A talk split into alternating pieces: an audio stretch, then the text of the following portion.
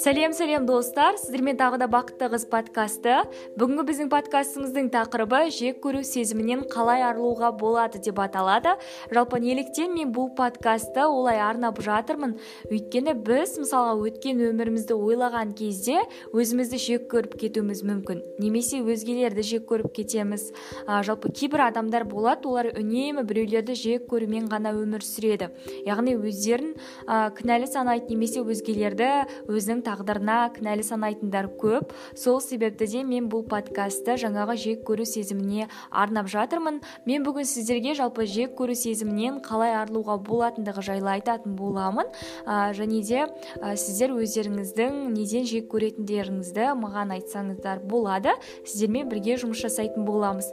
Жалпы жек көру ол шынайы сезім болып табылады. Мысалға күлкі немесе жылау болсын тағы да басқа сезімдерді біз яғни өтірік мысалы күле аламыз иә? Кейбір адамдар бар олар үнемі өтірік күліп жүреді. Яғни ішінде қанша қайғы мұңы болса да олар ә, сыртқа өте бір көңілді жайдары адам секілді көрінгісі келеді. Ал кейбір адамдар мысалға жұрттың көзінше жылап жаңағыдай ә, түрлі рөлдерді сомдауы мүмкін. Ал негізі жек көру сезімі ол шынайы сезім. Яғни біз бір адамның қылығын жақтырмайтын болсақ онда біз жаңағыдай теріс эффект береміз оларға яғни біз оны жек көретіндігімізді білдіреміз. Ә, жалпы негізі ол бір адамды ұзақ уақыт жек көру ол кек сезімін тудыруы мүмкін. А, біз сериалдардан кинолардан қарап жатқан кезде ол кек ешқашан да адамды жақсылыққа алып бармайды. Өйткені адам баласы сол адамнан кек аламын деп қана бүкіл ғұмырын өткізіп алуы мүмкін. Және де ол кегі орындалған кезде оны жасаған кезде де ол адамның өзіне де өзгелерге де зиян келтіруі мүмкін. Сол себепті де қазіргі таңда сіз бір адамнан кек аламын деп жүрген болсаңыз онда бұл заттан сізде мүлдем бас тарту керек. Өйткені ол нәрсе сізге де сіздің болашағыңызға да және де сіздің достарыңызға да ешқандай пайда алып келмейді. Ә, одан кейінгі нәрсе ол жек көру сезімі. Егер де сіз бір адамды жек көретін болсаңыз қазір мен сіздерге төменде кеңестер айтамын. Сол бойынша сізге жұмыс жасау керек. Өйткені сіздің өміріңізде ондай жек, жек көретін адамдар саны болмау керек. Немесе ол өте ә, кейбір адамдар болады өмірде көптеген адамдар жек көріп өмір сүреді ата анасын жек көреді достарын жек көреді тағы да басқа сондай адамдарды жек көре бастайды. Оның барлығы да негізі сізді ауруға шалдықтыруы мүмкін. Өйткені бұл сезім шынайы сезім болғандықтан ол сізге тез әсер етеді де сіздің миыңызды улауы мүмкін. Сол себепті де сізге қазірден бастап бұл сезімнен бас тарту керек. Немесе жаңағы сіз жек көріп жатқан жек көріп жатқан адамдар болса олардың барлығын кешіру керек болады. Ал келесі кезекте жалпы негізі біз өмірімізде үнемі бір нәрсеге ашуланамыз да сол кезде өзіміздің жаңағы сезімімізді білдіреді екенбіз. Ә, сондай кезде мысалға мен өзім кешіккен адамдарды өте жек көремін. Жалпы бір жерге жұмысқа барған кезде болсын сабаққа барған кезде кешіккен адамдарды көрсем оларды жек көріп кетемін да оларға қарай яғни ашулана бастаймын. Ал негізі адам баласы ол өзінің бір жаңағы принциптері болады ғой. Сол принциптеріне сай келмеген кезде ашуланып өзінің жаңағыдай сезімдерін білдіре алады. Ә, негізі мысалға сіздің принциптеріңізге басқа адамның жаңағыдай ұстанымдары сәйкес келмеуі мүмкін. Яғни ол да сізді жек көруі мүмкін. Сол себепті де менің ойымша ондай өзіңіздің ұстанымдарыңызды өзгелерге олай ә, қатты былай қолданбау керек. Ең бастысы өзіңіздің ұстанымыңыз яғни өзіңіз кешікпеу керексіз еш жерден ә, сондай бойынша сол бойынша өзіңіз жұмыс атқаруыңыз керек. Яғни сіз өзгелерден бұл нәрсені талап ете алмайсыз. Егер де сіз бастық болатын болсаңыз онда жұмысшыларыңыздан талап етуіңізге болады яғни кешікпей келулерін. Ал егер де сіз жай ғана өзіңіздің досыңыздан ә, немесе туыстарыңыздан бұл нәрсені талап ете алмайсыз және де оған босқа ашуланудың қажеті жоқ. Ал келесі кезекте жалпы ұзақ уақыт біз жек көріп жүретін болсақ бір, бір адамды біз депрессияға шалдығамыз. Яғни ұзақ уақыт соны ойлаймыз және сол нәрседен арыла алмай жүреміз. Сондықтан да сізге қазірден бастап бұл сезімнен арылу керек. Жалпы сіз ренжіген адамдар болса ол адам жек көрген адамдарыңыз болса ол адамның барлығын кешіріңіз. Өйткені ол нәрселердің бәрін ойлап сіз депрессияға түсіп кетуіңіз мүмкін. А, келесі кезекте ол жек көру сезімін басқара алу. Кейбір адамдар бар мысалға жаңағыдай өздерінің сезімдерін басқара алмайды бір адамды көрген кезде мысалы досымен ренжісіп қалып соны қайта көрген кезде өзінің сезімін басқара алмай сонымен айғайласып ұрысып кетуі мүмкін. Ол нәрсе дұрыс емес. Ең алдымен сіз жаңағы жек көру сезімін басқара алуыңыз керек. Оны сіз кез келген жерде емес ол жаңағыдай бір қылық жасап қоятын болса немесе дұрыс емес нәрсе жасаған кезде ғана оның дұрыс емес жасағанын айтуыңызға болады. Яғни кейбір адамдар бар мысалға бір адамды жек көреді ол жақсы нәрсе жасаса да жаман нәрсе жасаса да сол жаңағы заттардың барлығын ә, есіне салып тұрады. Ә, жалпы негізі өмірде жек көру сезімі мен махаббат сезімін ұштастырып жатады. Егер де сіз бір адамды қатты жек көретін болсаңыз онда сіз оны қатты жақсы көретін адамға айналуыңыз мүмкін. Ә, шынымен де негізі менің ойымша сондай секілді өйткені біз жек көрген кезде бір адамды оның тек жаман жақтарын қара яғни жаман жақтарын ғана ескереді екенбіз де оның жақсы жақтарына мән бермейміз. Ал егер де біз мысалға оны жақсы көріп қалатын болсақ тек қана оның жақсы жақтарын ғана көре аламыз да жаңағы жаман жақтарының барлығын ұмытып кетуге тырысамыз. Негізі адам баласы ол барлық адамда кемшілік болады барлық адамда жақсы қасиеттер болады жаман қасиеттер болады. Сондықтан да жаңағыдай өзіңіздің эмоцияңызды өзіңіздің іс әрекетіңізді басқарған күйде адамға қараңыз. Егер де ол дұрыс емес жасап тұрса онда оны жаңағыдай дұрыс емес жасап тұрған үшін жазалауға болады. Ал егер де оның қылықтары іс әрекеттері дұрыс болса онда оны жек көрудің қажеті жоқ. Одан кейінгі келесі кезекте жалпы негізі адам баласы ол жек көру сезімін ұзақ уақыт бойы өзінің бойында ұстап жүрмеу керек. Өйткені ол нәрсе сізді ауруға шалдықтыруы мүмкін. Үнемі сіз сол затты ойлап тұрасыз сол адамды көрген кезде жаңағыдай сезімдерді бастан өткересіз ол нәрсе сіздің денсаулығыңызға зиян болуы мүмкін. Ә, ол үшін не істеу керек? Ол үшін сіз бір адамға ашуландыңыз ренжіп қалдыңыз оны жек көріп кеттіңіз сол кезде онымен сөйлесіңіз.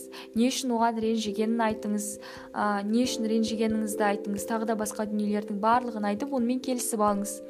Жаңағыдай кешігіп келетін болса енді кешікпей кел мен сондай ә, яғни ол нәрсені ұнатпайтын едім деген секілді онымен ашық сөйлесуге болады. Ал егер де ол адам сізбен ашық сөйлесуді қаламайтын болса мүлдем сізді ұнатпайтын болса онда жаңағыдай сіздің жаман эмоцияларыңыздың барлығында сіз бір параға алып соған жазып қоюыңызға болады. Және де оны жазып болғаннан кейін барып өзіңізді бір өте керемет жеңіл сезінесіз.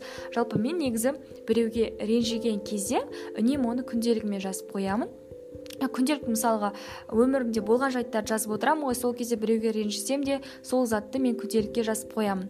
Соның арқасында мен бірнеше күн өткеннен кейін немесе бірнеше апта өткеннен кейін жаңағы сол ренжіген затымды ойлаймын да сосын бір түкке тұрмайтын нәрсе екен ғой деп ойланып қаламын. Яғни кейбір заттарға біз адамдар өзі андай эмоцияға жақын болғандықтан кейде бір тіпті бір болмайтын затқа да ренжіп қаламыз да. Ал одан кейін барып бірнеше күннен кейін оны оқып қарасақ ә, біз ол нәрсенің бір оншай қатты үлкен зат емес екенін мән береміз.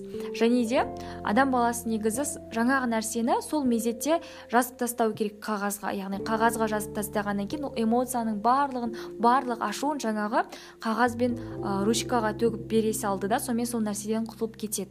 Яғни сол нәрседен айырылады. Одан кейін онда қатты ондай жек көру сезімі басыл, болмайды. Мысалға ашуланып тұрған кезде де сіз қағаз бен ручканы алып не үшін ашуланып тұрғаныңызды және кімге ашуланып тұрғаныңызды жазып қойсаңыз сіздің ашуыңыз басылады. Бірер минуттан кейін сіз ойлана бас, бастайсыз. Жалпы ашу ыза ақыл дос деп жатады ғой. Одан кейін яғни сіз ашуыңыз басылғаннан кейін ақылмен ойлана бастайсыз да сосын жаңағыдай ә, шешімдерге келесіз. Және де өзіңізді яғни өзіңіз ренжіген адаммен сөйлесу мүмкіндігіне ие боласыз. Жалпы сіз ондай жазуға жақын адам болмасаңыз шығармашылық адам болмасаңыз онда сізге бір ұсыныс айтайын. Өзіңізбен бірге айналып жүретін болсаңыз сол айнаға қарап яғни жаңағы ренжіген адам ретінде елестетіңіз айнаны. Сосын соған қарап айтыңыз мен саған ренжідім сенің бұл әрекетің дұрыс болған жоқ деген секілді. Жаңағы кісіге айтқыңыз келіп жатқан заттың барлығын соған айтасыз және де бір жеңілдеп қалатын боласыз. Жалпы негізі бұл адамға өте қатты көмектеседі. Өйткені сіз жаңағы заттардың барлығын да айнаға айтқан кезде сол адамға айтып жатырмын деп елестетесіз де сонымен ә, сіздің ә, жағдайыңыз біршама жақсарып қалады. Негізі адам біреуге ұзақ уақыт ренжіп жүрген кезде оның яғни шарықтау шегі оған айғайлау болады. Яғни сіз мысалы бір адамды жек көріп оны қатты жек көріп жүрсеңіз онда сіздің шарықтау шегіңіз айғайлап ұрсу онымен. Сіз оған айғайлайсыз ұрсу яғни ұрсасыз. Негізі оған дейін ә, ол дәрежеге дейін жеткізбей жаңағыдай түсініспеушіліктер болса олардың барлығын алдын ала ә, негізі шешіп алуыңыз керек. Өйткені ә, жаңағыдай айғайласумен де адам дауласумен де ешқандай ә, шешімге келе алмауы мүмкін. Сол себепті де бәрін алдын ала шешіп алған дұрыс болады. Ал келесі кезекте жалпы адамдармен негізі біз дұрыс қарым қатынас жасамағандықтан бізде түрлі түсініспеушіліктер болады және де жаңағы жек көру сезімі де бізден осыдан пайда болады. Мысалға сіз бір адамды танымайсыз бірақ оның сізге қылықтары ұнамайды да сосын сіз оны жек көресіз. Бірақ сіз оны нақты қандай адам екенін оның немен айналысады ол мүмкін ә, мықты бір профессор шығар және де ол қоғамның дамуы үшін үлес қосып жатқан шығар. Сіз оны білмейсіз яғни сіз оны дұрыс танымағандықтан жаңағыдай бір ә, кішігірім бір қылықтарына ашуланып жүрсіз. Ал егер де сіз онымен жақын танысатын болсаңыз онда оның қандай керемет жан екенін білесіз. Және де оның өте бір жақсы мейірімді жан екенін білесіз де жаңағы жек көру сезімін ұмытуыңыз бола ұмытуыңыз мүмкін. Ал келесі кезекте біз жек көрудің себептерін айтатын болсақ мысалға мен ә, негізі жек көру сезімі менде бұрында өте көп болатын. Оның барлығы неліктен десем мен өзіме сенімсіз болдым. Яғни өзіме сенімсіз болғандықтан ә, яғни көп нәрсені жасай алмадым. Және де көп нәрсені жасай алмағаныммен мен ол нәрсені басқа заттардан яғни басқа адамдардан көретінмін да. Сол нәрсені жасамағаныма менің сол достарым кінәлі туыстарым кінәлі деген секілді басқа адамдарды кінәлайтынмын. Ал қазіргі таңда менің өзіме деген сенімділігім артты. Және де мен өзімді жоғары бағалаймын. Сол себепті де менің жетістікке жетпегеніме немесе менің бір нәрсені жасамағаныма туыстарымның достарымның ешқандай кінәсі жоқ екенін түсіндім. Және де оларды мүлдем шек көрмеймін қайта оларды жақсы көремін оларға деген менің махаббатым шексіз. Өйткені мысалы ата ана деген адамдарды ол ә, жаңағы ә, бізді мысалға дүниеге алып келген жандар. Олар қандай болса да олар бізді ойлайды әрқашанда. Және де бізге өзінің қамқорлығын танытады сол себепті де ата анаңызды ешқашан да ренжітпеңіздер. Ал келесі кезекте жалпы негізі жек көру сезімі ол тез сеніп тез өзгелерге сеніп қалудан пайда болуы мүмкін.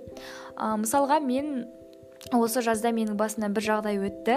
Мен бір қызға өте қатты сеніп қалдым. Яғни аз ғана уақыттың ішінде біз екеуміз керемет дос болып кеттік ә, жұмыс істедік бірге бірге қыдырдық бірге екеуміз ә, саяхаттадық десем де болады. Жалпы солай бір бірімізбен қаншама ә, сырларымызды бөлістік біршама солай уақытымызды өткіздік. Дегенмен де ол біршама уақыттан кейін ә, мені сатып кетті десем болады. Яғни менімен мүлдем сөйлеспей менімен хабарласпай мені танымайтын адам секілді болып кетті. Және де оған дейін бізде ондай арамызда түсініспеушілік деген нәрсе болған жоқ. Алайда мен туралы яғни оның басқа адамдарға жаман сөздер айтып жатқанын естідім. Содан кейін онымен мүлдем сөйлеспей кеттім. Жалпы сол кезде мен өте қатты қиналдым. Яғни бір айға жуық уақыт бойы менің мен ол адамды өте қатты жек көрдім. Өйткені мен оған тез сеніп қалдым да сосын мен оны өте керемет бір жақын құрбы құрбым ретінде қарастырдым. Алайда ол менің жақын құрбым емес болып шықты. Ә, және де сол кезде мен өте қатты ашуландым оны жек көрдім онымен мүлдем сөйлескім келген жоқ. Ал қазіргі таңда менде ол сезімдердің барлығы басылды. Өйткені ол оны мен жек көрген ә, яғни жек көру қанша көрген кезде оны жек көргенмен ешнәрсе шешілмейді. Яғни арамызда бір нәрсе орын алмайды немесе болашақта бір нәрсе болмайды. Сол себепті де мен жай ғана онымен таныстығымды доғардым. Мүлдем сөйлеспеймін онымен мүлдем хабарласпаймын. Ә, сондай шешім қабылдадым. Ал сіздерге де кеңес беремін жай ғана ол нәрсені ұмытыңыздар. Егер де біреу сіздер солай алдап кеткен болса біреуге солай сеніп қалған болсаңыздар жай ғана оны ұмытып онымен мүлдем сөйлеспей қоя салыңыздар. Болашақта да ол кісімен мүлдем араласпаңыздар. Және де біреуге ренжіген кезде оны кек ретінде сақтаудың қажеті жоқ. Егер де ол сіздің жақын туысқаныңыз болса онымен ашық сөйлескен дұрыс болады. Ал келесі кезекте тағы бір дүние бұл өте қатты менің ойымша адамдарға әсер етеді. Ол сенген адамың алдап кетуі мүмкін. Мысалға ұзақ уақыт бойы бір адаммен сөйлесіп жүресің ә, дегенмен ол болашақта сені сатып кетуі мүмкін немесе басқа бір адаммен ә, жаңағыдай дос болып кетуі мүмкін. Негізі ол көп адамдардың басында болады ә, дегенмен ондай кезде ә, адам негізі ә, негізі өмірде менің түсінігім бойынша егер де сізге керек адамдар болса ол сіздің өміріңізде соңына дейін қалады. Ал егер де сізге керек емес адамдар болса онда ол сіздің өміріңізден тезірек кетуге тырысады. Сондықтан да әрбір сіздің өміріңізден кеткен адамға сіз өз ризашылығыңызды білдіріңіз. Яғни ол сіздің адамыңыз болған жоқ ол сіздің болашағыңызға бір кедергі келтіретін адам болды да сондықтан ол сіздің жолыңыздан басқа жаққа ауысып кетті. Сол себепті де осылай шешім қабылдаңыз да өзіңізге сонымен ол адамды кешіріңіз. Және де оған деген барлық ренішіңіздің барлығын қағазға жазып сосын оны өртеп жіберсеңіз болады. Жалпы негізі солайша адамдардың барлығын кешіруге тырысу керек. Әрине оған уақыт керек біршама уақыт керек біршама сонымен жұмыс жасау керек. Содан кейін барып барлық ренішті өкпенің барлығын ұмытуға болады. Ал кек сақтау ол өте дұрыс емес. Ешкімге мен кек сақтауға ә, яғни кеңес бермеймін. Ол сіздің болашағыңызға балта шабуы мүмкін. Ал достар менің келесі подкастым аяқталды. Жалпы сіздерге біршама кеңестер айттым деп ойлаймын. Егер де солардың барлығы сіздің кәдеңізге жарайтын болса мен өте қатты қуанышты болар едім. Бұл бақытты қыз подкасты сіздермен бірге болған гүлмира тоғызбай.